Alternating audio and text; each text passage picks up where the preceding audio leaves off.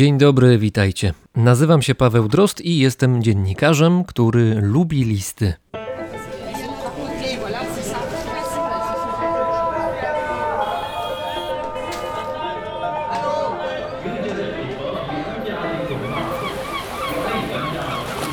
Brzmienie świata z lotu Drozda. Staram się odpowiadać na wszystkie maile, które od Was dostaję. Cenię szczególnie te listy, w których odnosicie się do swoich doświadczeń własnych, prywatnych lub do tego, co było powiedziane w ramach brzmienia świata w poprzednich odcinkach. Tak jak napisał niedawno do mnie pan Jerzy z Bytomia, a napisał tak. Szanowny panie redaktorze, jestem słuchaczem pańskiego podcastu. Choć jako człowiekowi starszej daty przyszło mi z trudem opanowanie nowej dla mnie technologii, było warto. Bardzo panu dziękuję i polecam pańskiej uwadze następujące pytanie. Są tacy ludzie, którzy chyba jakoś nie do końca pasują do kraju, w którym się urodzili. Nie formułuję tu, broń Boże, żadnej krytyki pod ich adresem.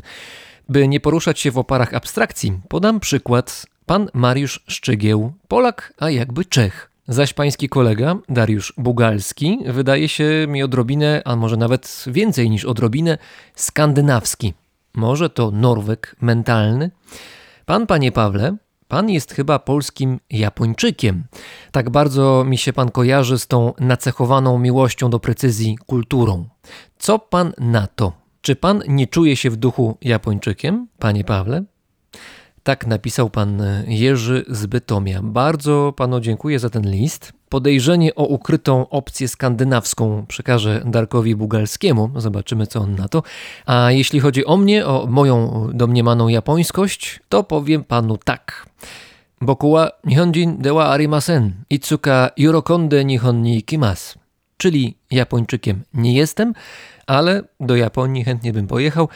No, żeby zderzyć wyobrażenia z rzeczywistością, poczuć klimat, liznąć e, trochę tej wyspiarskiej innej rzeczywistości, która, to przyznaję rzeczywiście, jest mi od wielu lat bliska. Ale, jak powiedziałem, Bokuwa Nihonjin dewa arimasen. Dzisiaj napisała do mnie też pani Kasia, która z mężem jest w trakcie wakacyjnej podróży po Estonii. Mam dużą słabość do tego kraju, więc już zazdroszczę z miejsca. Słabość mam pewnie dlatego, że Estonia to taka mała Finlandia, a Finlandia z kolei jest jednym z moich ulubionych krajów. Pani Kasia napisała, że mają oboje z mężem gen podróżny, chociaż, jak napisała pani Kasia, przy opowieściach moich gości to zaledwie genik. Proszę tak nie różnicować. Podróżniczy bakcyl niekoniecznie musi być równoznaczny z nieustannym siedzeniem na walizkach i przekraczaniem kolejnych granic paszportem w ręku. Osobiście uważam, że w gruncie rzeczy chodzi o otwartość na nowe i ciekawość tego, co za zakrętem. Niezależnie od tego, czy jesteśmy tutaj, w domu, w Polsce, czy tam, za granicą, w innych krajach czy kontynentach. A teraz bardzo proszę pozdrowić ode mnie głazy na estońskim wybrzeżu, szczególnie te w pobliżu parku Lahema. To są naprawdę piękne głazy. Serdecznie dziękuję za wszystkie maile i wypatruję nowych. A teraz już czas na gości 11 odcinka Brzmienia Świata i czas na rozmowy, na które czekacie.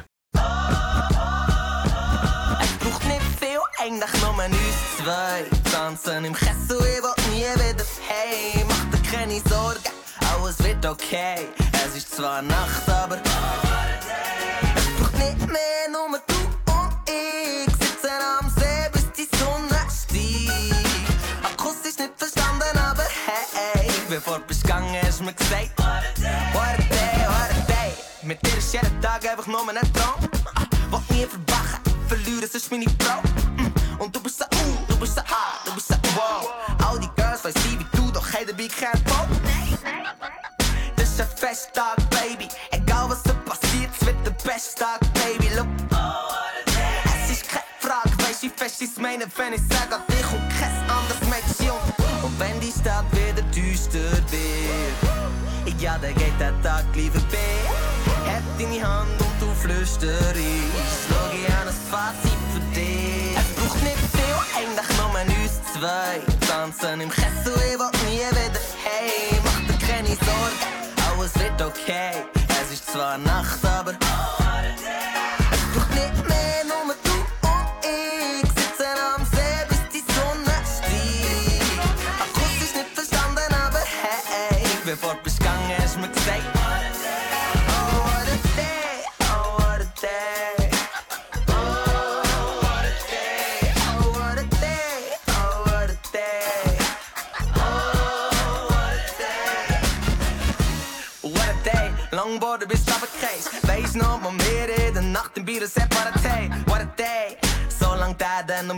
Om dreht. Ik zie me gang nog bij de dag vergeet. Läuft nicht viel in dieser Stadt. Doch mit dir und mir geht's heute sicherlich an. Was können für immer. Mm, never change a winning team. Wenn die Stadt wieder düster wird, ja, dann geht der Tag gleich vorbei. Hebst meine Hand und dann flüster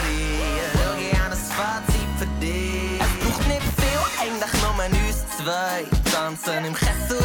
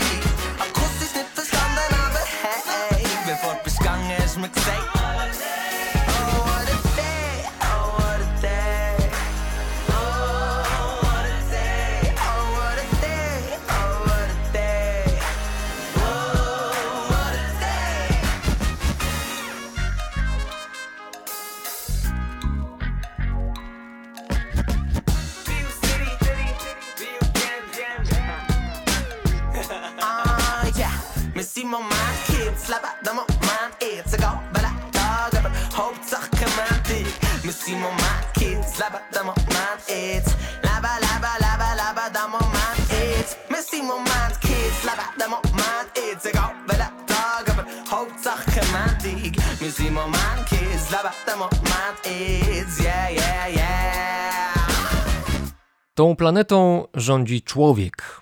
Jesteśmy gatunkiem dominującym na szczycie piramidy. Jest nas przecież prawie 8 miliardów. Któż mógłby się z nami równać? Jest kilka możliwości. Jedną z nich stanowią owady. 200 milionów. Tyle owadów przypada na jednego człowieka. I jeśli ktoś powie, że trudno porównywać mrówkę do człowieka choćby z racji wagi, no to będzie miał słuszność, ale jednocześnie będzie w błędzie. Gdyby zważyć wszystkie owady i wszystkich ludzi na świecie, wtedy owady wygrałyby w proporcji mniej więcej 300 do 1. Ale jaki realny wpływ mają owady na życie ludzi? Przecież to tylko owady. No tak, ale mają swoje możliwości. W Białymstoku jest z nami entomolog profesor Marcin Sielezniew. Dzień dobry. Dzień dobry. Właściwie nie tyle w Białymstoku, co na podlaskiej wsi 40 km od Białegostoku. Najpierw może coś jeszcze z nagłówków gazet. Na początku maja New York Times opublikował na swoich łamach dramatyczny tekst, który się bardzo pięknie rozszedł po innych mediach, że oto Stany Zjednoczone stoją w obliczu inwazji azjatyckich szerszeni z gatunku Vespa mandarinia. Kto nie zna, to warto zobaczyć zdjęcia. Polecam. To jest taki owad, który całym sobą komunikuje, że nie przepada za bliższym kontaktem i lepiej z nim nie dyskutować. Może mieć do 5 cm długości, czyli tyle co połowa palca wskazującego dorosłego mężczyzny. I w Stanach Zjednoczonych jest spotykany od końca zeszłego roku. Teraz robi karierę w mediach, no bo groźny i niebezpieczny, mimo że de facto większe ryzyko dla człowieka stanowią zwykłe pszczoły niż szerszenie. Mam rację, panie profesorze? Jak najbardziej. No właśnie, a propos tego szerszenia, to już też pojawiają się powoli pogłoski o jego pojawieniu się w Polsce. Ja nawet dostałem do konsultacji zdjęcie, no ale na tym zdjęciu okazał się być nasz zwykły szerszeń. Na szczęście, czy niestety, w zależności od tego. Czekamy na tą sensację, czy też nie. Ja chyba bym powiedział jednak, że chyba na szczęście. Szerszeni azjatyckie w tej chwili medialnie zmieniają Stany Zjednoczone, chociaż de facto ich nie zmieniają i pewnie jeszcze długo nie zmienią, ale inne owady w przeszłości potrafiły zmieniać losy nie tylko krajów, ale też całych kontynentów. Zdecydowanie. Często do tego przyczyniał się człowiek. No przecież taka słynna sprawa wyprawy Livingstona w Afryce, która ta wyprawa przyczyniła się do rozprzestrzeniania śpiączki afrykańskiej muchy tsetse, a mianowicie szła sobie wielka, wielka karawana i prowadziła ze sobą zapasy zwierząt do jedzenia, nie tylko. No w każdym razie wokół tego krążyła sobie mucha tsetse. No i ta mucha tsetse sobie wędrowała razem z tą karawaną.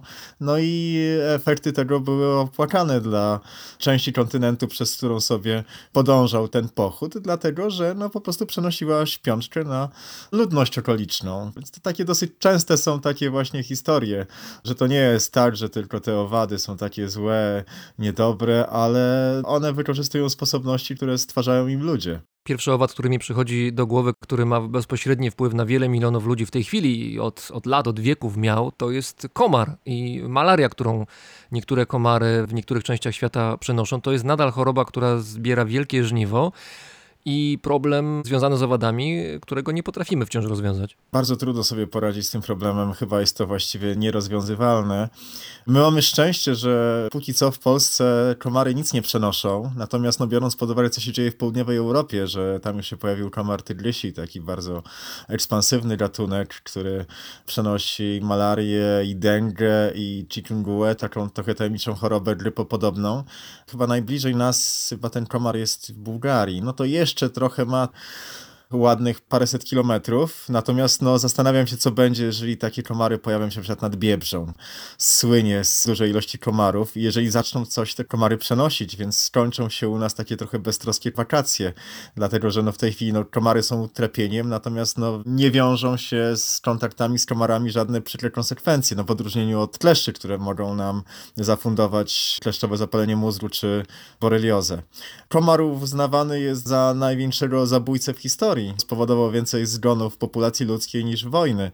Tak, to jest chyba numer jeden, ale na szczęście jeszcze nie w Europie. A numer dwa to będzie pchła? Pchła, a może wesz? No można by się zastanawiać. No pchła to dżuma, która zdziesiątkowała ludność Europy w średniowieczu. No tutaj Polska miała troszeczkę szczęście, bo tak jak patrząc nawet na mapy, właśnie gdzie tej dżumy było najwięcej, to się okazuje, że te tereny pierwszej Rzeczpospolitej były taką, można powiedzieć, zieloną wyspą wręcz trochę. Natomiast no gdzieś na południu Europy, we Włoszech, no to ta śmiertelność dochodziła do kilkudziesięciu procent i więcej populacji. Niektóre miasta zostały dosłownie zdziesiątkowane. Tutaj tym wektorem tej choroby jest pchła, która z braku swoich gospodarzy standardowych, które też właśnie cierpią na skutek dżumy, czyli chodzi tutaj o przede wszystkim o szczury, musi szukać jakiegoś innego źródła pożywienia, czyli krwi tutaj pojawiło się takie źródło w postaci człowieka.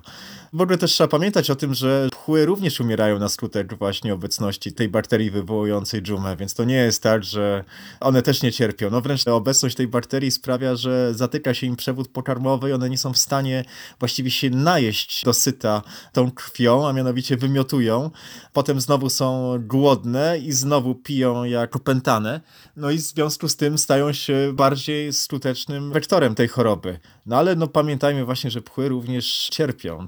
No ale oczywiście losem pcheł się nikt nie przejmuje. No i wszy, prawda? Pchły i wszy czasami są troszeczkę mylone, tak patrząc nawet na studentów moich to się zdarza. Natomiast no pchły działają z doskoku. Nie przebywają stale na swoim gospodarzu, natomiast no z wszami jest troszeczkę inaczej, ponieważ no cały ich cykl życiowy od jaja po postać dorosłą związany jest z gospodarzem, czyli no w przypadku gatunków wesz, które są związane z człowiekiem, to one są od początku do końca na człowieku. No wesz ludzka występuje w dwóch odmianach, wszy głowowej i wszy odzieżowej. No i znowu, gorzej jest z wszą odzieżową. Ona troszeczkę ma inny behawior, inny tryb życia prowadzi. No i ta wesz no, przenosi różne paskudne choroby. No z taką jedną ze słynniejszych jest tyfus, tyfus plamisty. Istnieją podejrzenia, że ta choroba przyczyniła się do klęski armii Napoleona w czasie kampanii rosyjskiej, że właśnie żołnierze Napoleona wędrując na wschód, oprócz tego, że musieli się borykać z zimnem, to również złapali od chłopów paskudną wszawicę, która no, oprócz tej samej w siebie dolegliwości w postaci świądu nieznośnego, również wiązała się z przenoszeniem chorób takich jak tyfus. No i osłabiło to w znaczny sposób no, zdolności bojowe tej armii. Także być może gdyby nie wesz odzieżowa, to może nawet historia Polski by się potoczyła zupełnie inaczej, więc można sobie snuć różne hipotezy. Tak jeszcze wracając do pcheł i dżumy, to tak myślę, że jeżeli pchły miałyby swojej organizacji dział PR i taki marketingowy, to świetnie sobie to wszystko wymyśliły, bo cała wina za dżumę idzie nie na pchły, tylko na szczury. To szczury są winiane za wszelkie złotego świata i za wszelkie możliwe choroby, mimo że tak naprawdę są też ofiarami całego zjawiska. Tak, to prawda. One są tutaj zdecydowanie mniej winne od pcheł. Natomiast no, pamiętajmy, że przede wszystkim tym podstawowym czynnikiem to jest jednak ta bakteria wywołująca żumę. Ona sobie w bardzo sprytny sposób dopasowała właśnie te zwierzęta, które będą ją transmitować. No, zresztą pchła na przykład przyczyniła się do wyginięcia swego czasu w Anglii pewnego gatunku motyla, modraszka Ariona a mianowicie pchła, przenosząc chorobę myksomatozę, a to jest choroba, która dziesiątkuje populację królików, doprowadziła właśnie no, do znacznej redukcji pogłowia królików, a konsekwencją tego było zarastanie pewnych siedlisk motyli. Króliki są świetnymi kosiarkami, jak zabrakło kosiarek, no to się okazało, że trawa w niektórych miejscach zrobiła się wyższa, to z kolei wpłynęło na skład gatunkowy mrówek, konkretnie takich y, mrówek zwanych wścieklicami, bo okazuje się, że są takie gatunki wścieklic, które lubią jak jest trawa wyższa, ponieważ no to wpływa na termikę podłoża, na temperaturę podłoża. A z kolei pewien gatunek motyla, modraszek arion, część swojego cyklu życiowego spędza w gniazdach mrówek jako pasożyt społeczny, zjadając larwy gospodarzy. Czyli sekwencja była taka.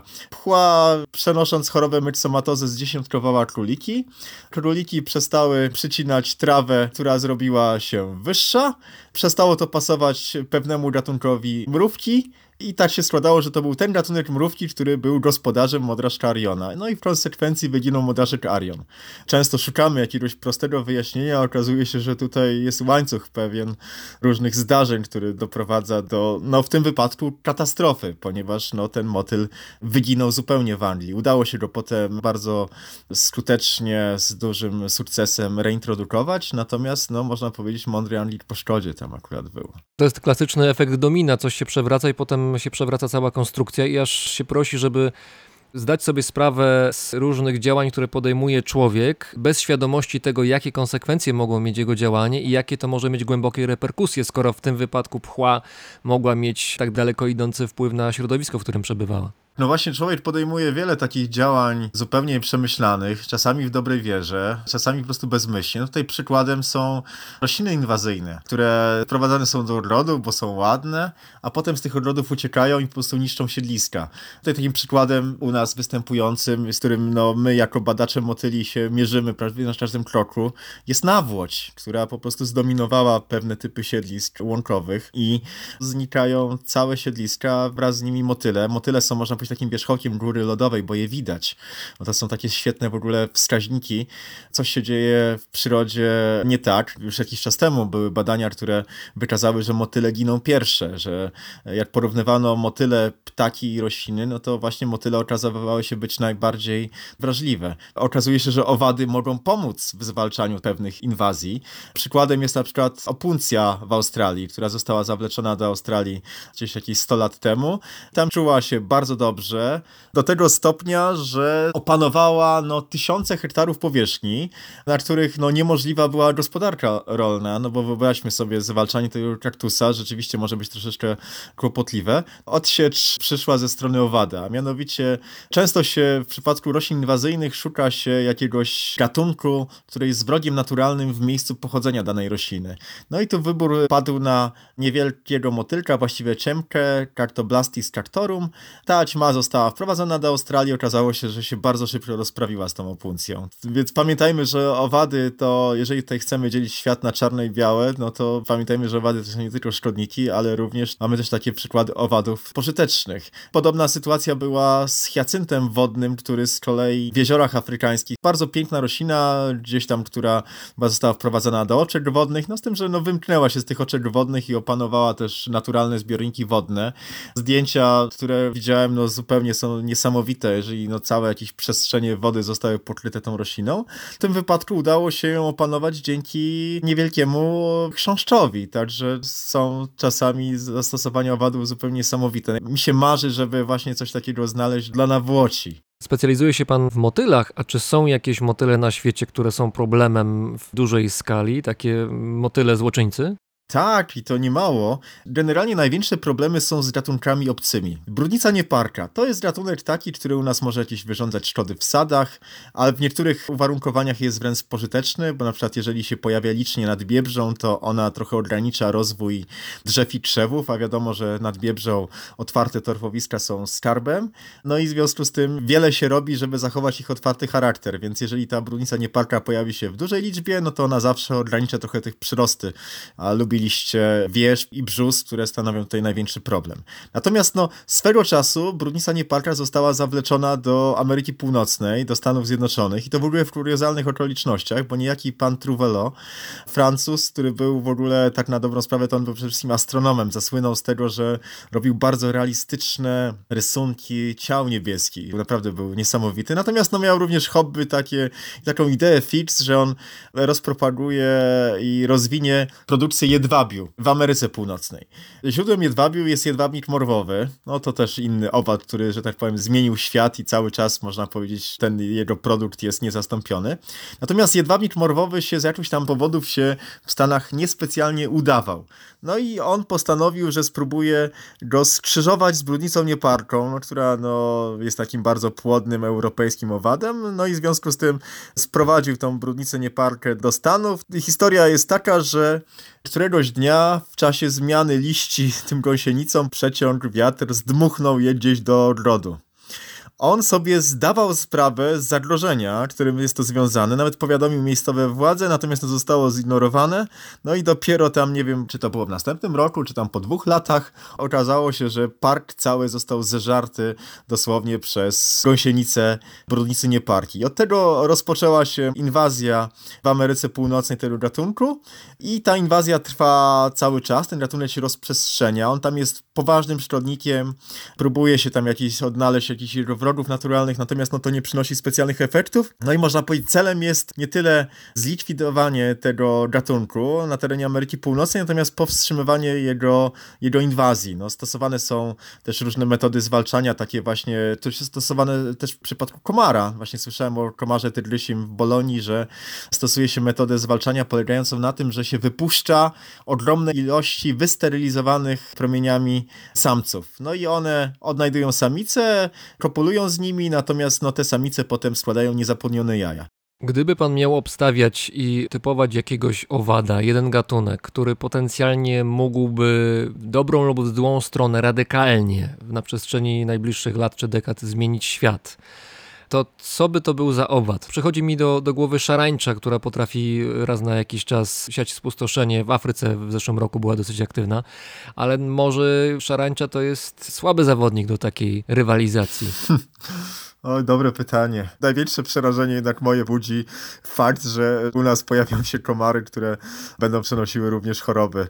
Szarańcza to jest jedna z plag egipskich.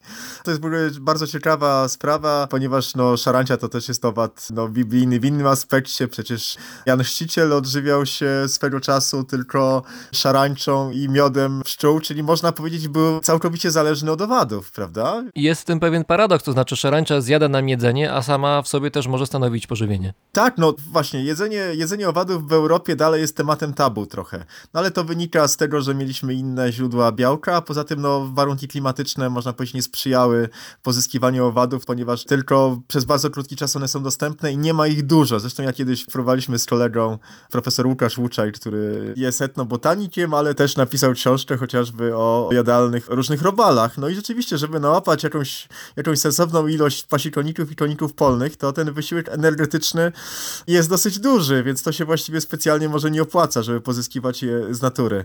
Natomiast właśnie wracając do tej szarańczy, no więc ona w czasie tych swoich inwazji, no pojawia się po prostu w bardzo dużych ilościach, więc ta biomasa jest bardzo, bardzo duża. Swego czasu mieliśmy nawet w Polsce taką sytuację w wieku XVIII i nawet istnieje ślad tej inwazji szarańczy w postaci pomnika szarańczy, który znajduje się w Zwierzyńcu.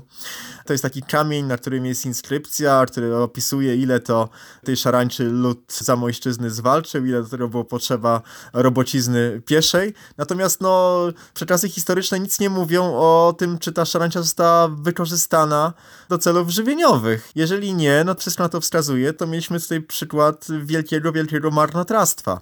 No wiedzą o tym doskonale w Meksyku, gdzie no, populacje pewnego konika polnego, czyli owada spotlenionego szarańczą, są zwalczane przez człowieka, ale w taki sposób, że, że ten owad jest zjadany, a wręcz stanowi dochód dla rodzin, dlatego że one są zbierane i sprzedawane. To jest sensowne, dlatego że okazuje się, że ilość białka w takich owadach jak szarańcza jest znacznie większa niż ilość białka, która znajduje się w tych zbiorach, które niszczy szarańcza.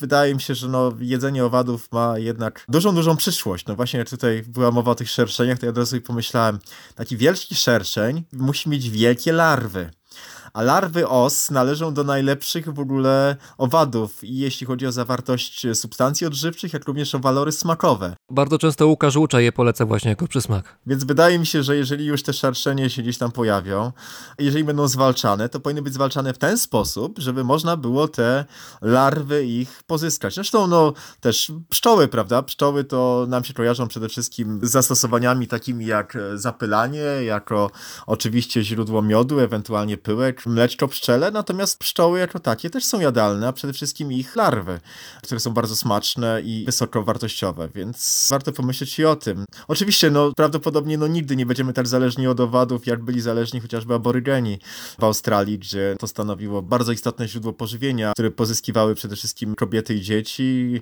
Mężczyźni szli polować na grubego zwierzę, ale czasami się okazywało, że tak na dobrą sprawę większy pożytek było z tego, co zostało uzbierane. Często w niełatwy sposób, ponieważ larwy na przykład były gdzieś tam wydobywane z korzeni roślin albo z pni drzew. Natomiast jak się już wydobyło taką larwę, no to się okazało, że ona ma tam kilkanaście centymetrów długości, waży kilkadziesiąt gramów i no jest świetnym tutaj źródłem pożywienia.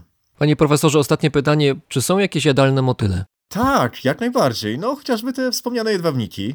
No ja przyznam się, że my mamy, tutaj nawet obok mnie stoją pudełka z jedwabnikami, bo w zeszłym roku byliśmy poproszeni o hodowlę jedwabników dla potrzeb produkcji filmowej Czarna Dama. To przy okazji polecam, bo film naprawdę będzie ciekawy. Więc w każdym razie jedwabniki są jadalne w postaci larw, w postaci poczwarek.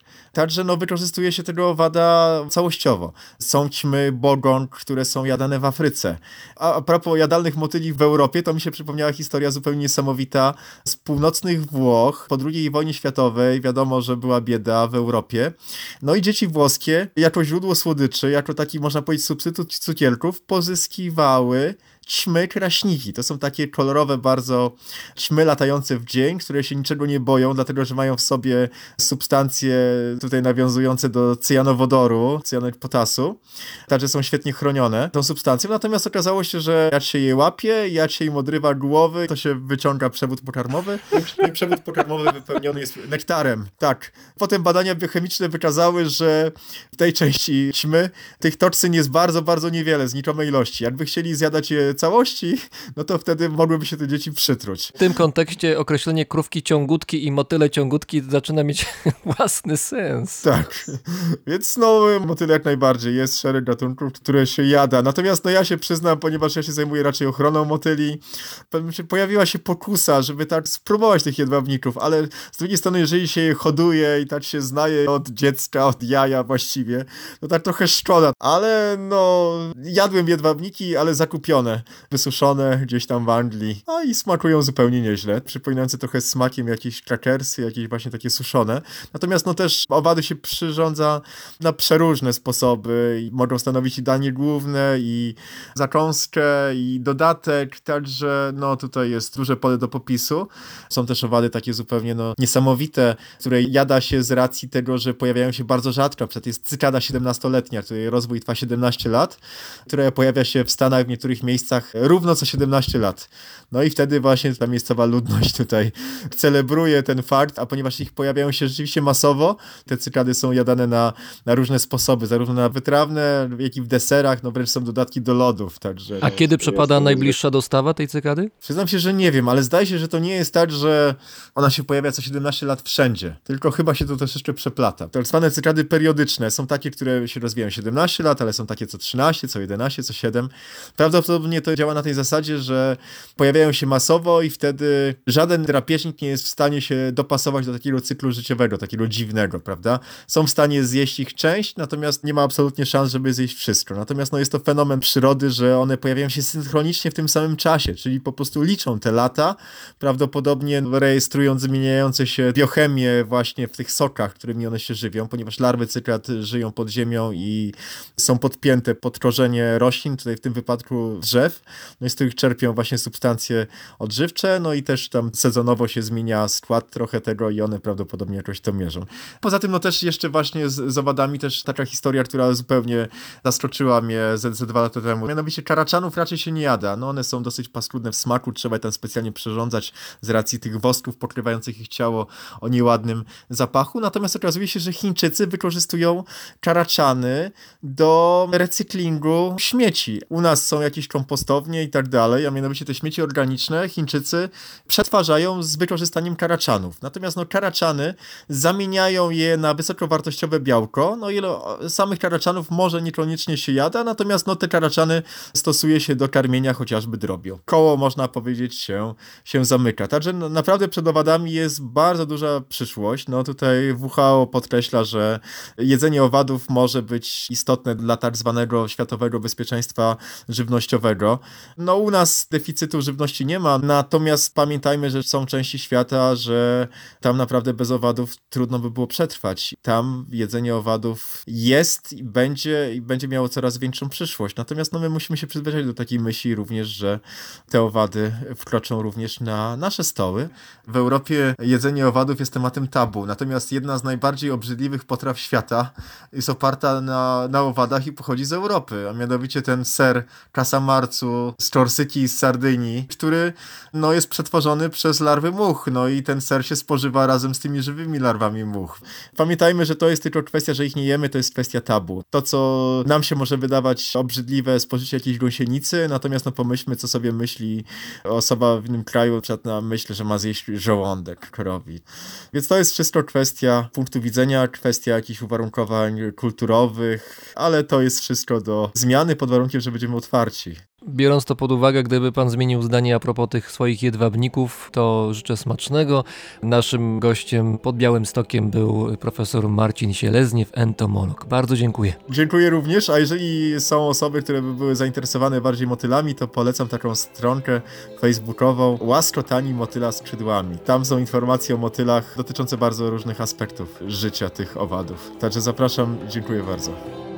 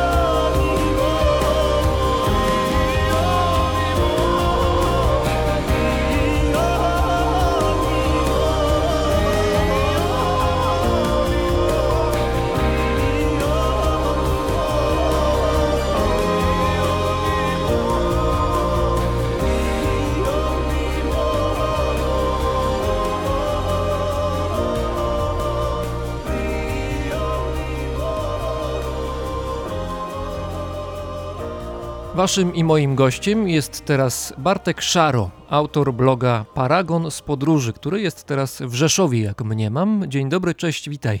Cześć, dzień dobry, witam wszystkich. W Rzeszowie, zgadza się. W tym roku Paragon y, z podróży obchodzi 10 lat istnienia, także gratulacje i życzę Ci kolejnych czytelników, widzów, lajków i subów też Ci życzę wielu. Dzięki, dekada faktycznie stuknęła. E, No jest taki mały jubileusz, na pewno. Twój znak rozpoznawczy, znak rozpoznawczy Paragonu z podróży to jest przede wszystkim no, ekonomia podróży, czy ograniczanie wydatków w trasie tam, gdzie to jest możliwe, ale później też dodałeś do tego wątku kwestie związane ze zrównoważoną, czy tak zwaną odpowiedzialną turystyką.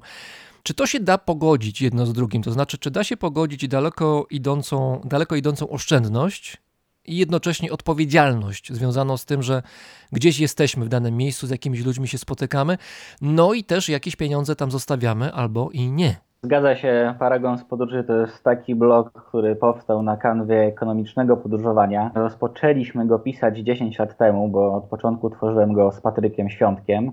Teraz tworzę go już sam i można powiedzieć, że dekadę temu to był zupełnie inny świat podróżowania. I wtedy te rzeczy związane z tanim podróżowaniem, jak wyszukiwanie tanich lotów, czy niskobudżetowe podróże autostopem i noclegami na dziko były czymś dosyć nowym, wymagały odkrycia, dlatego też pewnie ten blog się spodobał wielu czytelnikom w całej Polsce.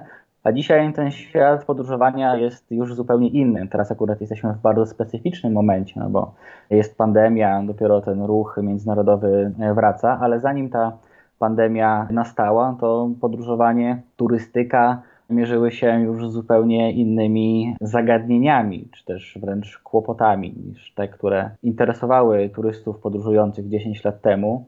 No bo dzisiaj to nie jest przecież problem znaleźć sobie tani lot, czy też zarezerwować niedrogi nocleg, bo od tego mamy cały szereg serwisów, poradników. Natomiast dzisiaj się zastanawiamy bardziej nad takimi rzeczami, co zrobić z overturizmem, co robić z postępującą antropopresją i mnie jako człowieka, którego podróżowanie cały czas w jakiś tam sposób zmienia, ja też obserwuję, jak podróżowanie zmienia się samo w sobie, to po prostu interesuje, więc też takie wątki zaczęły się na Paragonie pojawiać i ja staram się również w tym kierunku rozwijać. A czy te dwie rzeczy można pogodzić? Uważam, że jak najbardziej i moim zdaniem funkcjonuje taki trochę mit, że to jest albo czarne, albo białe. Albo jesteś podróżnikiem niskobudżetowym, albo jesteś podróżnikiem odpowiedzialnym. Bardzo często wpadamy w skrajności, mówiąc o tym, że jeżeli ktoś podróżuje niskobudżetowo, to już tylko i wyłącznie odwiedza lokalsów, korzysta z ich gościnności, nic nie daje od siebie i na tym to niskobudżetowe podróżowanie bazuje.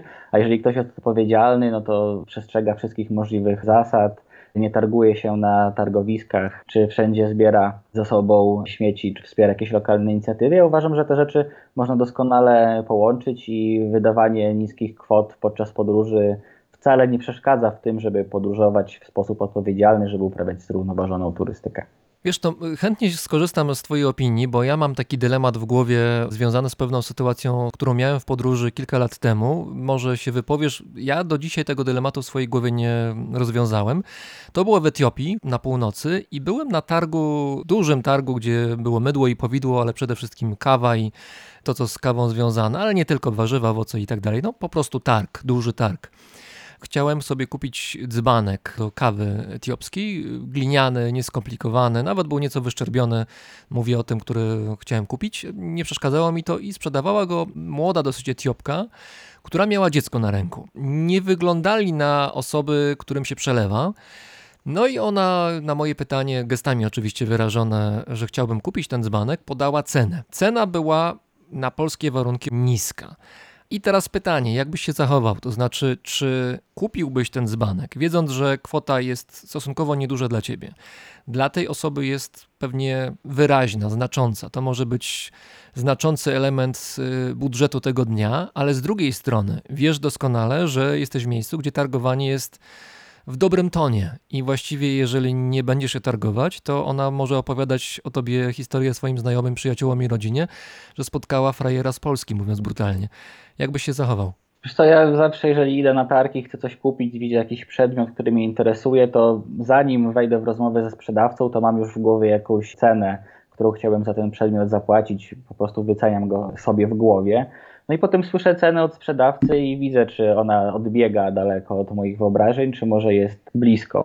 Myślę, że zawsze warto się tam trochę potargować, ale też w takich sytuacjach, o jakiej opowiadasz, nie na tyle, żeby wykręcać tą cenę do granic możliwości, bo pewnie ta osoba byłaby sporo w stanie z tej ceny zejść tylko po to, żeby ten przedmiot sprzedać. Bo tak jak wspomniałeś, pewnie to będzie ważna część dziennego utargu. Więc tutaj akurat w tej konkretnej sytuacji myślę, że jeżeli mówisz, że cena jak na warunki polskie jest niska i pewnie jest gdzieś tam obok oczekiwań, to targowanie się jakby tylko po to, żeby dochować obyczaju, zwyczaju, ale nie po to, żeby jakoś bardzo zbijać cenę. Mimo, że widać pewne pierwsze jaskółki jakiegoś odmrożenia związanego z pandemią, to nie wygląda na to, żeby podróżowanie międzynarodowe szybko wróciło do stanu podobnego do tego z początku roku.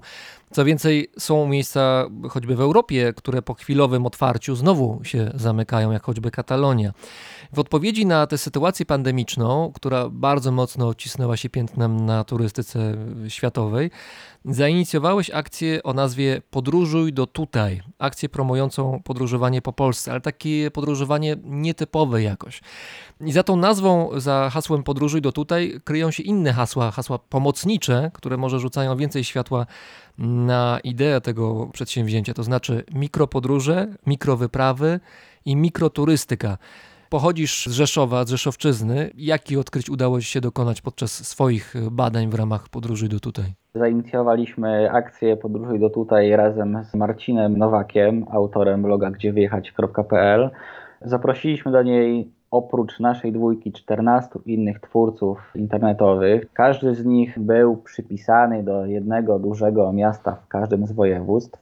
I były to miasta, z którymi te osoby są związane, czy albo stamtąd pochodzą, albo tam mieszkają, czy mieszkały. I chodziło o to, żeby objechać okolice tych miast w promieniu do 50 km i pokazać ciekawe miejsca, atrakcje, które mogą stać się alternatywą chociażby dla zagranicznych podróży, ale również, żeby promować turystykę, ideę turystyki zrównoważonej i pokazać ludziom, mieszkańcom dużych miast, że mogą też w promieniu 50 km od domu znaleźć miejsca równie ciekawe jak te, które są najbardziej popularne turystycznie w całej Polsce. Jeśli o mnie chodzi, no ja muszę przyznać, że dokonałem naprawdę kilku spektakularnych odkryć. Takim miejscem, które mi się najbardziej podobało w okolicy Rzeszowa, którego kompletnie wcześniej nie znałem, nawet o nim nie słyszałem, mimo że mieszkałem tutaj 19 lat, jest rezerwat przyrody Mójka. To jest olbrzymi rezerwat, liczy ponad 280 hektarów, jest ostoją bobra europejskiego, rośnie tam mnóstwo czosnku niedźwiedziego. Jest to przepiękny las ze starodrzewiem sięgającym 150 lat. No i muszę przyznać, że oprócz tego, że odwiedziłem ten rezerwat przygotowując swój materiał, swój przewodnik po okolicach Rzeszowa w ramach akcji, to wczoraj, bo akurat teraz też jestem w Rzeszowie, znowu tam pojechałem i przeszedłem sobie jakiś inny fragment tego rezerwatu. Przez niego prowadzą dwie ścieżki dydaktyczne. Dłuższa ścieżka, jej przejście według tablicy informacyjnej zajmuje 5 godzin, więc to już jest ile potrzebujemy, żeby pokonać jakiś szlak w górach i to wcale nie jakiś bardzo krótki. Więc na ten szlak też na pewno jeszcze będę wracał. Jestem niesamowicie tym miejscem zafascynowany. Inne miejsce, które mogę też nie tylko mieszkańcom Rzeszowa, którzy nas słuchają, ale też innym turystom z Polski, którzy kiedyś będą przyjeżdżać na Podkarpacie, które chcę polecić, to jest Pałac w Julinie. Niesamowite miejsce, pałac myśliwski i potockich, zbudowany w drugiej połowie XIX wieku w stylu szwajcarsko-tyrolskim, czyli coś, co jest właściwie na tym obszarze nie do zobaczenia w żadnym innym miejscu. Z bardzo ciekawym i pięknym zespołem parkowym dookoła. Na ten cały kompleks składają się trzy budynki, Wygląda to po prostu bajecznie, ciężko jest mi to w tym momencie opisać. Miejsce jest praktycznie w ogóle nieznane, wstęp na teren całego kompleksu kosztuje złotówkę. Jest to bardzo wartościowy obiekt z kategorii architektura drewniana. Akurat jestem wielkim fanem architektury drewnianej, więc też zawsze bardzo chętnie o tym opowiadam. I może jeszcze takie trzecie miejsce, na zachód od Rzeszowa rozciąga się Pogórze Strzyżowskie, Podkarpacie, jeżeli chodzi o jakiekolwiek góry czy wzniesienia, jest kojarzone przede wszystkim z Bieszczadów, E, może też troszkę z Beskidu Niskiego, ale ta świadomość Beskidu Niskiego bardziej chyba funkcjonuje w świadomości fanatyków dzikich gór niż tak po prostu ogólnie. Więc Pogórze Strzyżowskie, przemierzyłem sobie tam fragment wokół najwyższego szczytu. Bardo on się nazywa, 500 metrów z hakiem. Wchodziłeś z tlenem czy bez tlenu? No, tam od trzeciego obozu musiałem skorzystać z tlenu, ale do, do trójki jakoś poszło. I też przepiękny starodrzew, buki 100-150 lat, nie jakoś widokowo, ale klimat pustego lasu, gdzie nikogo nie ma. To był maj, dookoła jeszcze pola rzepaku, jakieś pojedyncze kapliczki. Po prostu coś niesamowitego. Jak ktoś myśli o górach, o wjeździe Bieszczady na Podkarpacie, to niech sobie przedtem sprawdzi jeszcze takie hasła jak Pogórze Strzyżowskie, Pogórze Dynowskie czy Pogórze Przymyskie. To są naprawdę dzikie tereny, gdzie ten kontakt z naturą jest dużo bardziej bezpośredni niż chociażby właśnie w Bieszczadach. Jak ja pamiętam swoje wojaże po Polsce, to jakoś bliższe mi są wycieczki, czy mikrowyprawy, mikropodróże, mikroturystyczne wypady, które mają jakiś aspekt polowania, bym powiedział. To znaczy, że trasa nie jest do końca ustalona, należy wykonać pewne zadanie, które polega na odnalezieniu konkretnych obiektów i potem człowiek oprócz tego, że ma styczność z tymi obiektami, kiedy już je znajdzie, to ma te frajdy, że właśnie je odnalazł. I tutaj mam na myśli coś, co chyba też tobie jest bliskie, to znaczy mam na myśli konkretnie wiatraki w Wielkopolsce. No, myślę, że też lubię sobie czasem pójść tym tropem. Kolejny wątek związany z architekturą drewnianą, który gdzieś mi się tam udało poruszyć. Tutaj dużo czasu spędziłem oglądając cerkwie, czy drewniane kościoły, czy przeróżne modrzewiowe dwory i w pewnym momencie natknąłem się na wielkopolski szlak wiatraczny gdzie właśnie wiatrak w krajobrazie Polski kojarzył mi się tutaj może właśnie bardziej ze wschodnią stroną. Ziemia lubelska, Podlasie. Na Podlasiu widziałem kilka wiatraków, to było chyba w okolicach Sokółki, a tutaj nagle ciach, wielkopolski szlak wiatraczny, kilkadziesiąt obiektów. Udało mi się kilkanaście bodajże zobaczyć, przejeżdżając szlak tych wiatraków rowerem. No i oczywiście spotkania z ludźmi, pasjonaci opowiadają historię tych wiatraków. No naprawdę bardzo przyjemna kwestia. Jeżeli chodzi o pozostałe miejsca w Polsce, jeżeli chodzi o te osoby, tych blogerów i blogerki, którzy się zaangażowali w akcję podróży do tutaj, czy masz tutaj jakieś swoje typy, swoje odkrycia dzięki nim? Jest tutaj mnóstwo fenomenalnych, fantastycznych miejsc, o których nigdy w życiu nie słyszałem. Wspomnę na przykład w okolicach Ostrowca Świętokrzyskiego Dom Spokojnej Książki miejsce zrobione przez parę, która kupiła i wyremontowała stodołę, po czym zaczęła wypełniać ją książkami. Bardzo klimatyczne miejsce, można zobaczyć na blogu Michała Maja. W okolicach Krakowa też blogerzy z bloga powroty.do pokazali fajne zielone tereny, na przykład na wschód od Krakowa, Puszczę Niepołomicką, albo na przykład okolice Lublina i ścieżka przyrodnicza Bobrówka na północ od Lublina, też fajne miejsce, gdzie można odetchnąć, złapać trochę kontaktu z przyrodą. Tak w ogóle wydaje mi się, że bardzo mocną stroną całej akcji jest pokazywanie miejsc na łonie natury, wszelkiego rodzaju rezerwatów, parków krajobrazowych, jakichś uroczysk, miejsc, w których właśnie możemy poczuć trochę swobody, złapać kontaktu z przyrodą, czyli coś, czego wydaje mi się, że najbardziej nam brakowało w czasie pandemii, izolacji, tego strachu przed wychodzeniem z domu. Więc mnóstwo takich zielonych inspiracji myślę, że można zaczerpnąć dzięki właśnie akcji Podróżuj do tutaj. Wiesz, ale tu się trochę z Tobą nie zgodzę. To znaczy, nie wydaje mi się, żeby było tak, że większość z nas, czy generalnie model podróżowania polega na tym, że szukamy miejsc, które są ciche i spokojne, gdzie możemy wypocząć, bo taką aktywnością, na przykład, która wydaje się, że jest kwintesencją odpoczynku i właśnie celebrowania ciszy i spokoju, jaką jest kajakarstwo czy spływy kajakowe, ta aktywność w tej chwili zamieniła się w aktywność zupełnie masową. Wiem co mówię, bo bywam ostatnio znowu na spływach i niestety zauważam ze smutkiem i z goryczą wielką, że wokół mnie pływają kajaki, które są wypełnione osobnikami, które te osobniki przede wszystkim mają na myśli to, żeby opróżnić butelki z płynami alkoholowymi, które są w środku i nie chcę już nawet myśleć, co się dzieje potem z tymi butelkami, bo właśnie oni też szukają nowych atrakcji i dla nich nową atrakcją, żeby napić się tego piwa czy czegoś innego w naturze jest właśnie kajak. I ten kajak, gdzie ja bym chciał jednak tym kajakiem przepłynąć sobie spokojnie, a im na tym w ogóle nie zależy kajak jako miejsce spożywania płynu z butelki. To jest dosyć popularna forma spędzania czasu na świeżym powietrzu. Z mojej perspektywy aż tak to źle nie wygląda. W sensie ja się nie spotykam pływając kajakiem z jakąś dużą liczbą osób, które w ten sposób kajakiem pływają, chociaż ja pływam dziwnymi rzekami o dziwnych porach. Więc No właśnie, niedawno- prawdopodobne, żebym spotykał.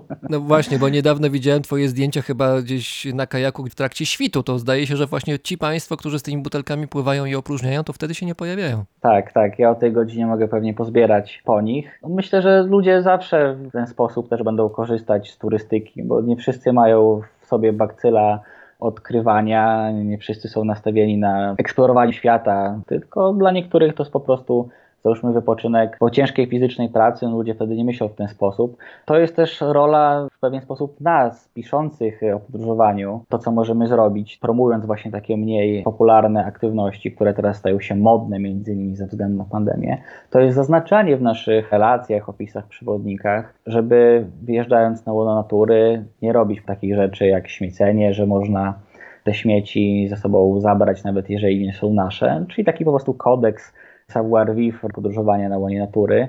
To jest to, co po prostu możemy robić, promując tego rodzaju aktywności. Ja ostatnio, od czasu, kiedy sobie uświadomiłem, jak ważna jest zrównoważona turystyka, staram się to robić i myślę, że jeżeli to się też stanie pewnym trendem wśród wielu innych osób piszących o podróżowaniu, to w jakiś sposób też możemy parę osób przekonać do tego, żeby jednak tej butelki w szuwarach po sobie nie pozostawić. Mam wrażenie, że na Twoim blogu i na Facebooku, na Twoim profilu coraz częściej się pojawiają, tak mi się wydaje, takie wątki nostalgiczne, to znaczy trochę tęsknisz za takim podejściem do podróżowania, które było właściwe jeszcze w pierwszej połowie XX wieku albo w drugiej połowie XX wieku, na początku tej drugiej połowy. Marzy ci się takie podejście, które też mnie jest bliskie, to znaczy takie, o którym pisał Nicolas Bouvier, Szwajcar, który był aktywny jako podróżujący Szwajcar w latach 50., 60. między innymi, ale też no, wymieniasz też często nazwiska innych ludzi, którzy pisali o podróży właśnie w taki sposób bardziej wrażliwy, gdzie miejsce oczywiście, że było istotne, w którym byli. Oczywiście, że istotne było to, co tam przeżyli, ale najważniejsze chyba dla nich było to, że przeżyli coś przy okazji, co się działo w ich głowach. Tak, faktycznie złapałeś mnie trochę na tym. Pewnie wiele osób nie kojarzy mnie z takiego romantycznego podejścia do podróżowania, ale ja bardzo to lubię i książki Bouviera czy na przykład Mariusza Wilka są dla mnie bardzo cennymi lekturami, z których też wiele tej wrażliwości się nauczyłem. No tak, bo ty jesteś człowiekiem, który patrzy, ile ma w portfelu, jak wyjeżdża, ile ma w portfelu, jak wraca, a tutaj nagle właśnie ten romantyzm podróżny się pojawiał u ciebie. Tutaj mnóstwo jakby tych wątków, można powiedzieć, ja mam związanych z podróżowaniem. No i te rzeczy na pewno się bardzo zmieniły. To jest tylko 10 lat, a tutaj już nie łapiesz na jakiejś nostalgii, sentymencie do tego, jak to wszystko wyglądało kiedyś. Takie zdanie napisał w ostatniej swojej książce Juliusz Strachota, że teraz żyjemy trochę w takich czasach kontentowego kolonializmu, czyli bardziej wykorzystujemy świat do tego, żeby złapać właśnie jakiś content do social media, niż żeby urodziła się w nas jakaś refleksja na jego temat. I tak mi się wydaje, że właśnie ten kontentowy kolonializm zaczyna troszkę przeważać nad tym romantyzmem. No a tak jak wspomniałeś, ja mam teraz mały jubileusz, dziesięciolecie funkcjonowania bloga i troszkę sobie wracam do tych wrażeń, emocji, które mi towarzyszyły, kiedy pierwszy raz gdzieś pojechałem autostopem, kiedy pierwszy raz zanocowałem na dziko, kiedy pierwszy raz gdzieś tam poznałem jakąś przypadkową osobę na parkingu w Bośni. I przypominam sobie, ile wspaniałych emocji to we mnie wywołało, jaki to miało wpływ na rozwój po prostu mojej osobowości, tego co się stało dalej w moim życiu. Więc trochę tęsknię, ale też nie chcę się jakoś dawać wpędzić w sentymenty, bo wciąż mam mnóstwo pasji do odkrywania świata, mnóstwo rzeczy, które mnie interesują, mnóstwo jakichś małych projektów w głowie, które chciałbym w przyszłości realizować. Więc z jednej strony jest ta tęsknota, ale z drugiej strony też nie brakuje energii i pomysłów na działanie w przyszłości. Gdzieś znalazłem taki wpis u ciebie, że jest ci nawet trochę wstyd za pewne rzeczy, które robiłeś w przeszłości, te kilka lat temu, kiedy miałeś inne podejście do, do siebie, do rzeczywistości, do świata, do podróżowania jako takiego. Tutaj przypominam sobie taki fragment dotyczący powiedzmy twojego autografu, który naniosłeś na wrak samolotu Douglas. Tak, myślę, że to są bardzo dobre refleksje. Chodzi o to, że byliśmy kiedyś z Patrykiem w podróży autostopowej po Islandii 2014 albo 2015 rok, jeszcze przed tym olbrzymim boomem turystycznym, który później ogarnął Islandię. I oczywiście jednym z najsłynniejszych miejsc na Islandii jest wrak samolotu Dakota. I tam zostawiliśmy podpis we wnętrzu tego wraku. Tutaj byliśmy, imiona i nazwiska. W zeszłym chyba roku pisałem taki tekst na blog pod tytułem Czas turystycznej apokalipsy, w którym wspominałem o tym, jak ta turystyka się zmienia i jak nasze zachowania wpływają na jakość i kondycję odwiedzanych miejsc. No i podałem po prostu przykład tego podpisu na samolocie jako zły przykład rzeczy, której bym już drugi raz nie robił. Ten samolot jest teraz cały pomazany, włącznie z jakimś graffiti na zewnątrz. No i jego wartość, jakby nie tylko wizualna, ale w ogóle jest, jest już przez to wszystko bardzo niewielka. To jest rzecz, której bym już na pewno drugi raz nie zrobił. Pewnie by się jeszcze trochę takich rzeczy znalazło, ale myślę, że to jest rzecz, którą warto robić. To znaczy, co jakiś czas y, robić sobie taki podróżniczy rachunek sumienia, wspomnieć jakieś zachowania, z których się nie jest dumnym. Dzięki temu można wysnuć ciekawe wnioski i stać się lepszą wersją siebie, przynajmniej jeżeli chodzi o podróżowanie. Wróćmy do Polski, do akcji Podróżuj do tutaj, bo wątkiem pobocznym, ale istotnym chyba dla nas obu, bo dzielimy tą małą pasję, jest kwestia kajaków, które już tutaj zabrzmiały w naszej rozmowie, ale kajaków nietypowych. Bo nazywanych, tutaj są różne nazwy, ale ta najbardziej profesjonalna i właściwa brzmi kajaki pneumatyczne. Ja nie ukrywam, że jakieś dwa lata temu, nawet trochę więcej niż dwa lata temu, zachorowałem potwornie na kajaki pneumatyczne. I tu się podzielę małą historyjką. Historyjka pochodzi z lat dużo wcześniejszych, mianowicie był swego czasu taki autor, który się nazywał Nienacki, który popełniał książki z serii Pan Samochodzik. One miały różną wartość i różne wady miały te książki w związku z tym, jak autor je konstruował w tamtych czasach, ale pamiętałem przez długi czas taką jedną część, gdzie była mowa o tym, jak to pan samochodzik, bohater główny, prowadził śledztwo w związku z bodaj z kradzieżą jakichś artefaktów, dzieł sztuki i tak dalej, jak to zwykle on robił. I bohaterką drugiego planu była dziewczynka, która była posiadaczką czy współposiadaczką kajaka właśnie takiego pneumatycznego. On nie był nazywany w ten sposób, ale to był właśnie taki kajak. To był kajak dmuchany tak zwany, który dawało się właśnie e, zwinąć do torby i zabrać go ze sobą do samochodu. Jak trzeba było, to się go rozwijało, napompowywało i hop do wody płynął. I to było takie moje małe marzenie o pełnej mobilności i wolności na wodzie, czyli płynę wtedy, kiedy chcę, jak chcę i kiedy chcę, mogę wyjść z wody, ruszyć gdzieś dalej, przejechać rowerem, samochodem, jakiś inny fragment, potem znowu do wody. I nie wiem, jakie były Twoje motywacje, ale no dla mnie to jest odkrycie nowej perspektywy przemierzania wodnych terenów i właśnie podróżowania po Polsce tutaj. Też postrzegam swoją przygodę z kajakiem pneumatycznym jako małą rewolucję, chociaż moje inspiracje nie sięgają aż tak głęboko jak Twoje.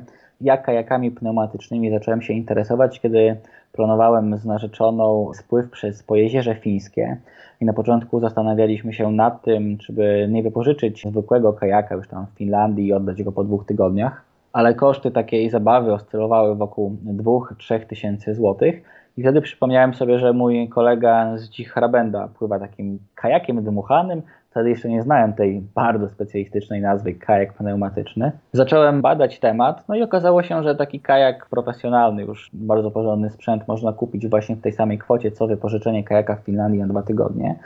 Poczytałem jeszcze troszkę, pozadawałem trochę pytań i zdecydowałem się na zakup takiego kajaka. Udało nam się spłynąć przez Pojezierze Fińskie. Spływ trwał dwa tygodnie, była to niesamowita przygoda, jeżeli chodzi o podróżowanie na łonie e, natury to zdecydowanie najlepsza rzecz, jaką zrobiłem w życiu. No i potem kajak oczywiście został, nie trzeba go było nigdzie oddawać i zacząłem regularnie używać go w Polsce. Od trzech lat pływam częściej lub rzadziej po polskich rzekach. I niesamowicie sobie cenię te wszystkie zalety, które są dla kajaków pneumatycznych charakterystyczne, czyli mobilność, wyporność, pakowność, no i przede wszystkim swoboda spływania, jaką te kajaki dają. Można zrobić wszystko w każdym właściwie dowolnym momencie. Nie jesteśmy uzależnieni od wypożyczalni. Sami piszemy historię każdego spływu od początku do końca. Tak, i to jest bardzo duża zaleta tych kajaków, to znaczy to, że nie trzeba pływać tam, gdzie są firmy kajakowe, ergo nie tam, gdzie wszyscy pływają. Możemy sobie gdzieś z boku znaleźć jakąś rzeczkę, gdzie spokojnie możemy sami sobie pokonywać wtedy, kiedy chcemy, choćby o świcie, tak jak ty to robiłeś niedawno, pokonywać dany fragment i potem zapakować taki kajak i nawet ja też testowałem na własnych plecach takie rozwiązanie, że brałem na kajak pneumatyczny właśnie rower złożony częściowo, to znaczy koło przednie było zdemontowane. Cały rower był położony na kajaku, potem przepłynąłem dany fragment, następnie złożyłem kajak, potem do plecaka, plecak na plecy, przy czym całość waży niestety 20 pewnie kilogramów albo trochę więcej. Potem rowerem można dojechać w inne miejsce, czy to do samochodu, który był na początku trasy, czy do stacji kolejowej, gdzie można pociągiem dalej ruszyć, czy gdziekolwiek chcemy, ale generalnie jest ta swoboda, jest ta możliwość, że robimy to, co chcemy. To jest takie małe marzenie o wolności kajakowej. To prawda, to o czym mówisz, to już w ogóle brzmi jak jakaś dyscyplina na turystyczną olimpiadę. Tutaj rowerem, tutaj kajakiem. Zazdroszczę takich przygód. Mi się jeszcze kajaka nie udało w ten sposób z rowerowaniem połączyć, ale może kiedyś. Dzięki tej mobilności takie rzeczy są możliwe, jak mój spływ radomką ostatni, który wspomniałeś. Urządziłem taką wycieczkę mamie. Śmiałem się, że ona przez lata budziła mnie do szkoły gdzieś tam 6, 6.30 Bartek wstawaj, zabieraj tornister i szoruj na lekcję. A ja teraz się zrewanżowałem, 3.30, mamo mówię, pobudka, e, idziemy na kajak. No i faktycznie udało się zrobić świetny spływ rzeką Radomką, raczej dosyć mało popularną rzeką. Serdecznie ją polecam, jest niesamowicie dzika. Bieg prowadzi przez zalesione tereny, co jest raczej rzadkością. I mogliśmy sobie ten spływ zacząć o dowolnej godzinie, w dowolnym miejscu. A uważam, że poranki to są najpiękniejsze momenty na rzekach, kiedy się delikatnie unosi mgła, kiedy złote słońce odbija się od tafli, kiedy nie słychać nic oprócz śpiewu ptaków, kiedy jest powietrze bardziej wilgotne niż w ciągu dnia. No, dla mnie największe wrażenia podczas spływów kajakowych są właśnie o poranku. To jeszcze a propos krzyżowania roweru z kajakami. W moim wypadku raz zaliczyłem pewną wpadkę organizacyjną, mianowicie pomyślałem, że po co brać rower na kajak, to może ja wezmę hulajnogę i zrobię tak, że zawiozę samochód tam, gdzie spływ miał się zakończyć, a potem do kajaka wrócę hulajnogą i e, hulajnogę załaduję na kajak, to ona jest malutka, niewielka i da się ją złożyć, będzie wszystko wygodniej. Wszystko pięknie, ładnie.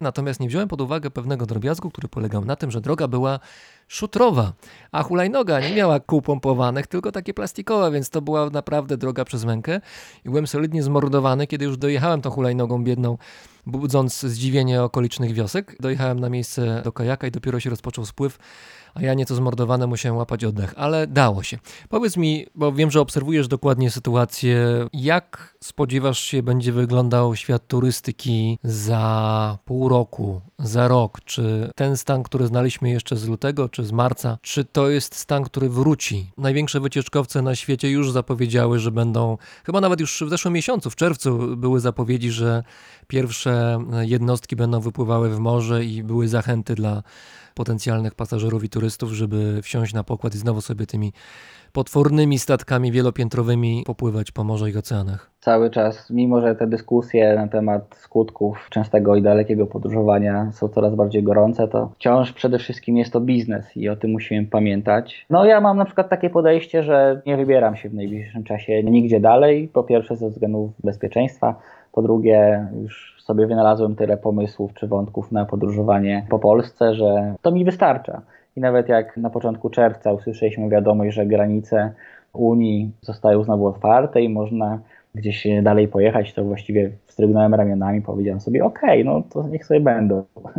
Więc trochę czuję się, że jestem w innym świecie, mimo że on już niedługo pewnie będzie otwarty, tak jak był wcześniej, chociaż też nie wiadomo, co nas czeka na jesień, to jakoś smalał mi po prostu apetyt na ten daleki świat. Ja się teraz doskonale czuję w odkrywaniu lokalizmów, w poznawaniu regionów. Uważam, że tutaj ilość wątków, tematów jest po prostu nie do wyczerpania. A jak się ma kajak pneumatyczny, to już w ogóle tylko niebo jest granicą, absolutnie. prawda? Tak jest. Bartek Szaro był z nami, współinicjator powstałej niedawno inicjatywy o nazwie Podróżuj do tutaj i autor bloga Paragon z Podróży, bloga, który w tym roku obchodzi dziesięciolecie. Dzięki. Dzięki bardzo.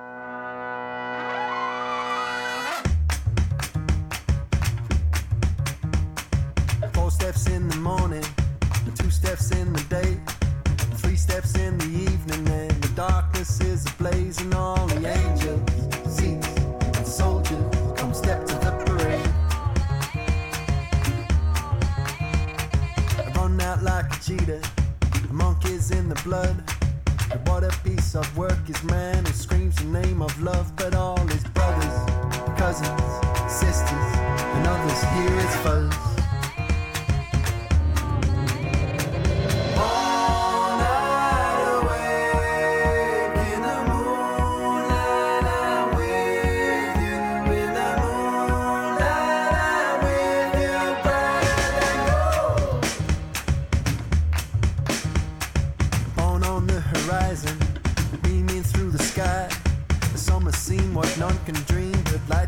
A lie, and all the sinners, saints, and winners just wink and walk on by. The brando's in the forest, and Nancy's in the flood. The black swan makes a pirouette. The gods cry from above,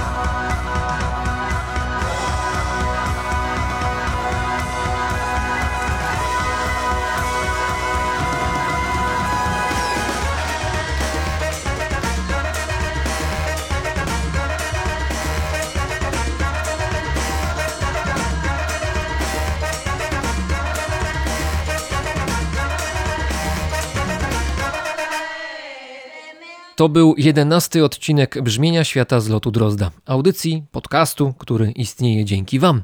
Korzystając z okazji, chcę teraz podziękować patronom, którzy dołączyli do nas w tym tygodniu.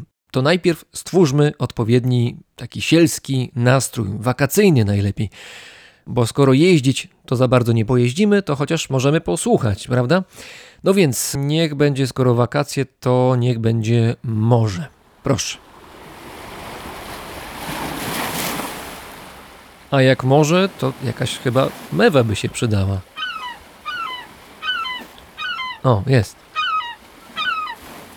Ale jak to jedna? Jedna mewa? Nie, to za mało. Więcej ich musi być. No, teraz lepiej. Niech to będzie morze gdzieś na wybrzeżu meksykańskim. Jest gorąco. Ludzie wylegli na plaży. Pogoda sprzyja, można się wykąpać, można się opalać, czytać książki, grać w Scrabble, w pokera, no w pokera może niekoniecznie, w Scrabble, ale też przydałoby się coś zjeść dla ochłody. Halo? Halo? Sprzedawca lodów proszony na scenę? Seis sabores naturales, oiga, pásele un heladito, oiga, seis sabores. To skoro już wszystko ładnie brzmi, to teraz odpowiednio podniosły nastrój w stylu meksykańskim i mogę zaczynać. Bardzo dziękuję za wsparcie Dorocie, Justynie, Natalii, dwóm Pawłom, bo wszystkie Pawły to fajne chłopaki, Agacie, dwóm Maciejom i Joannie. Dziękuję też Magdzie, z którą wymieniłem niedawno kilka miłych słów. Magda wybiera się w trasę z plecakiem, więc trzymajmy kciuki, żeby miała dobrą pogodę, gdziekolwiek będzie podróżować. Dziękuję też Władkowi, Grzegorzowi, Jackowi, Michałowi, Karolowi, Sławkowi i Marcie. Dzięki składam Przemkowi, z którym miałem okazję do przemiłej wymiany zdań. Przemek pisał, że lubi mocniejsze brzmienia, więc specjalnie dla niego teraz zmiana klimatu.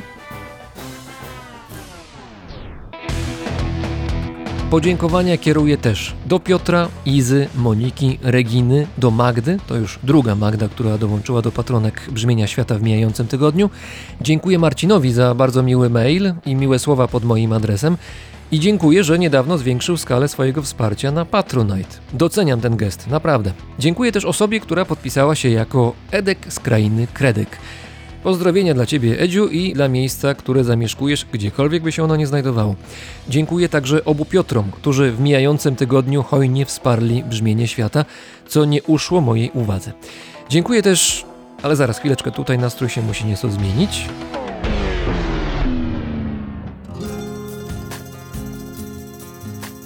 O, dziękuję Annie za mail i za patronowanie. Ania uczy się włoskiego i spodobała się jej piosenka z poprzedniego, dziesiątego odcinka Brzmienia Świata. Też ją lubię, to znaczy piosenkę lubię, chociaż Anię też lubię oczywiście. Podobnie też jak cztery inne Anie patronki, które serdecznie pozdrawiam i im dziękuję. Dziękuję Zdzisławowi, Ewelinie, Oldze, Alicji, Łukaszowi i Krystianowi. Dziękuję obu Agnieszkom za ich hojny gest. Dziękuję także Tomaszowi, Krzysztofowi, Adamowi, Dominice i Gosi. I dziękuję serdecznie wszystkim, którzy już wcześniej dołączyli do grona patronów Brzmienia Świata z lotu Drozda. Dzięki wielkie.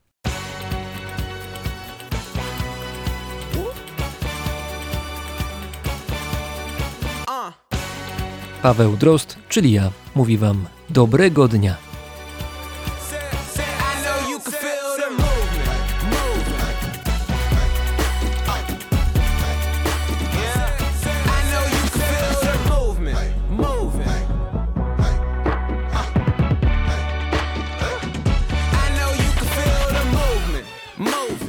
Nothing more than a movie. In this moment, feel like 50, nothing but G's all in my unit. This from the roots, smell like trees all in my room. Fire cooking, cushion the blunt. Get out the kitchen if it's too humid.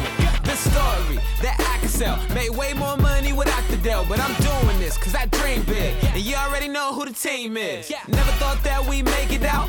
Grew up over where the fiends at. That's that thing that made me a mess where y'all just act like female. If we talking about numbers, really me and you don't speak well. Just go ahead with your mixtape. I'm killing it with my pre-sale. Hope you're getting prepared. Everybody here with me gon' prevail. Stay suited. It's deeper than music. I know you can feel the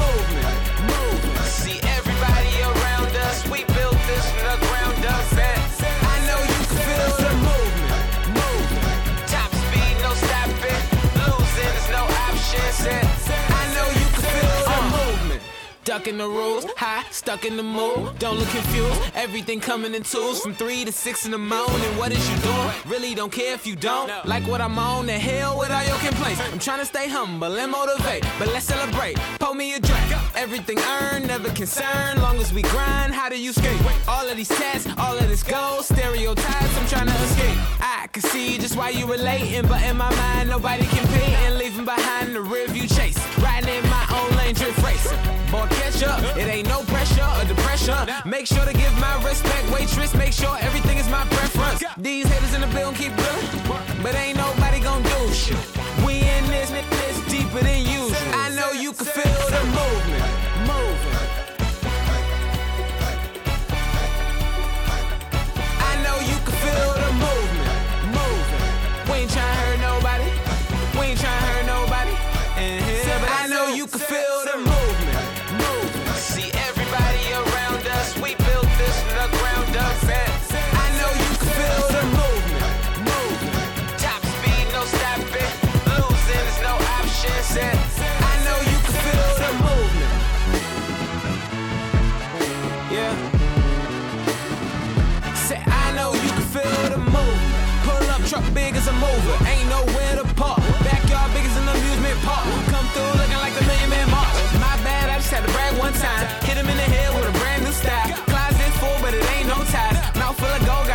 smile. It